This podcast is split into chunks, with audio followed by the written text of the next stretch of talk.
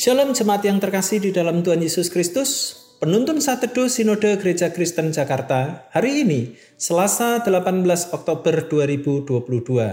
Sia-siakah kita beribadah? 1 Timotius 4 ayat yang ke-8 berbunyi demikian. Latihan badani terbatas gunanya, tetapi ibadah itu berguna dalam segala hal karena mengandung janji baik untuk hidup ini maupun untuk hidup yang akan datang. Seorang yang telah lama menjadi orang Kristen merasa putus asa karena dia bosan ke gereja setiap minggunya. Dia merasa apa yang telah dilakukannya selama bertahun-tahun sungguh percuma dan tidak ada gunanya sama sekali karena ia sama sekali tidak bisa mengingat semua khotbah yang pernah didengarnya. Dia bahkan banyak lupa lirik-lirik lagu yang pernah ia nyanyikan. Untuk itu ia datang kepada pendetanya dan menyatakan untuk menjadi orang ateis saja. Dengan penuh kasih, pendetanya memberikan sebuah gambaran sederhana. Bertahun-tahun istri saya memasak makanan untuk saya dan anak-anak saya. Ratusan bahkan ribuan menu dia sajikan selama ini untuk kami. Anehnya, saya tidak bisa mengingat semua masakannya.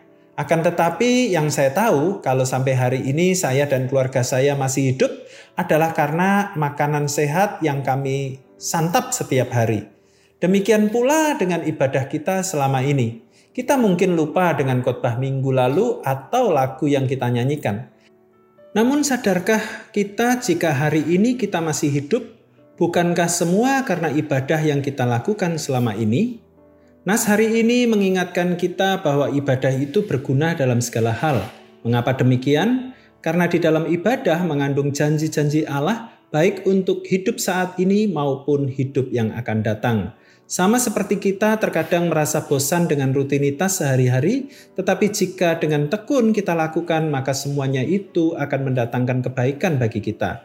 Bisa saja kita merasa bosan dengan khotbah-khotbah setiap minggunya, tetapi hal itulah yang akan membuat kita dapat terus bertumbuh. Apa jadinya bila kita bosan dengan nasi kemudian kita berhenti makan? Maka kita akan lemah dan bisa mati bukan? Jangan bosan untuk beribadah kepada Tuhan Memang rutinitas bisa membuat kita bosan dan tidak bergairah, tetapi milikilah komitmen untuk setia melakukannya, karena dengan itulah kita akan tetap bertumbuh dan berbuah bagi Tuhan. Mungkin kita bisa lupa dengan khotbahnya, tetapi tidak dengan tuntunannya. Tetap semangat, Tuhan Yesus memberkati.